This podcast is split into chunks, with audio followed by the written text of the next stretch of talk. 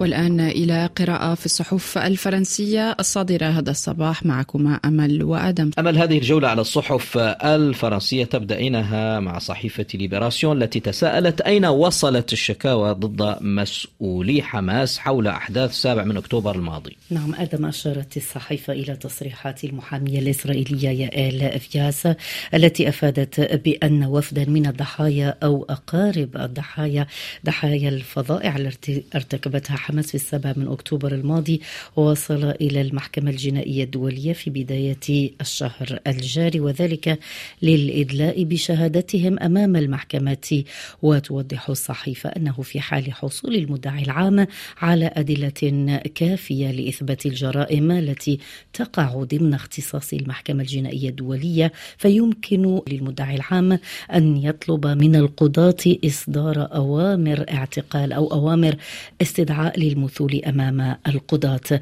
ويمكن للقضاة أيضا أن يحكموا بالسجن لمدة تصل إلى ثلاثين عاما أو حتى السجن مدى الحياة في حالات استثنائية. وللمتهم الحق في الاستئناف بعد الإدانة. وذكرت الصحيفة أدم أنها حاولت الحصول على معلومات أكثر عن شهادات أهالي ضحايا هجوم السابع من أكتوبر ولكن المحكمة الجنائية أصرت على أن هذه المعلومات سرية السرية من أجل السير الحسن للتحقيق. إلى صحيفة لاكوروا التي سلطت الضوء في روبورتاج لها على ظروف اللاجئين في مخيم عايدة بالضفة الغربية.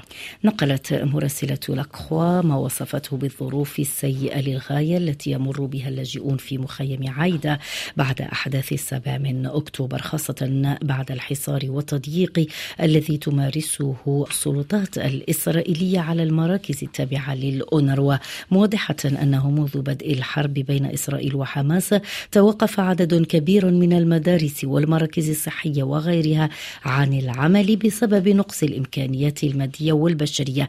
هذه الأخيرة أي البشرية تعاني من استمرار المنع والتفتيش على الحواجز الإسرائيلية للوصول إلى المخيم ويحذر المتحدث باسم الأونروا كاظم أبو خلف من اضطرار الأونروا إلى وقف أعمالها بال بالكامل في المخيم وفي الضفة الغربية وربما في المنطقة بأكملها. وهذا السيناريو سيحرم أكثر من أربعة ملايين لاجئ من الخدمات الحيوية اليومية وهو تهديد لاستقرار المنطقة بأكملها حسب تعبيره. في غزة القنابل الإسرائيلية تدمر التراث وتمحو الذاكرة. نقرأ ذلك في لومود أفادت الصحيفة أنه منذ بدء الحرب بين إسرائيل وحماس تم تدمير أكثر من 200 موقع ثقافي وتاريخي من مساجد ومقابر يونانية وأثار مصرية وأسواق عثمانية ومباني في قطاع غزة.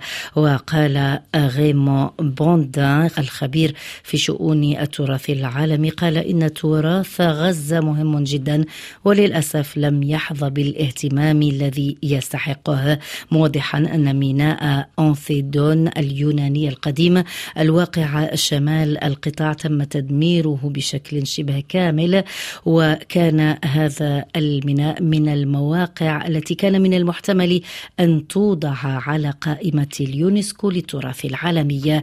أما بنوا تاديف وهو المستشار الثقافي السابق للقنصلية العامة الفرنسية في القدس اعتبر أنه سواء تصرف الإسرائيليون عن قصد أو لا في عمليات القصف فالنتيجة واحدة وهي محو التراث والتاريخ. إلى موضوع آخر والعنوان التالي في صحيفة الفيغارو دونالد ترامب نسي أن الإنفاق العسكري للولايات المتحدة يتم تمويله من قبل حلفائها. نعم أدم اعتبر الكاتب أن انتقادات الرئيس السابق دونالد ترامب اللاذعة والمتكررة لحلف الناتو أنسته شيئا واحدا وهو أن حلفاء الولايات المتحدة الأمريكية هم الذين يمولون الإنفاق العسكري لبلاده. يقول الكاتب ليس من خلال الضرائب ولكن من خلال القروض القصرية إلى حد ما ومن خلال شراء سندات الخزانة الأمريكية على نطاق واسع وبشكل أكثر عمومية من خلال إظهار الولاء للدولار. وهنا يقصد الدول الأوروبية. الأمن الذي من المفترض أن يوفره حلف الناتو لأوروبا يقول الكاتب ليس مجانيا على الإطلاق. فالنظام الاقتصادي الليبرالي الغربي وحتى العالمي أصبح على المحك والولايات المتحدة الأمريكية هي المستفيد الرئيسي منه إلى حد بعيد حسب ما نقرأ في صحيفة لوفيغارو أما الصحف الفرنسية توقفت أيضا عند إضرابات القطارات هنا في فرنسا نهاية هذا الأسبوع. في افتتاحية لوفيغارو يرى الكاتب أنه مع اقتراب موعد الألعاب الأولمبية تجاوزت ثقافة الإضراب داخل الشركة العمومية كل الحدود. صحيفة ليبراسيون أشارت إلى انتقاد رئيس الوزراء الفرنسي جابرييل أتال لهذا الإضراب. أما في صحيفة لوبينيون فكتبت إيمانويل دوكرو أن المضربين نهاية هذا الأسبوع ليسوا من العمال الأكثر تهميشا في فرنسا أو في شركة السكك الحديدية بل على العكس تماما وأوضحت أنه بالنسبة لمراقب التذاكر في الشركة مع اقترابه من التقاعد يصل راتبه إلى 53 ألف يورو سنويا أو 4400 يورو شهريا. نقرأ هذا التوضيح في صحيفة لوبينيون. كانت معكم مستمعينا أمل بروك في جولة على الصحف الفرنسية.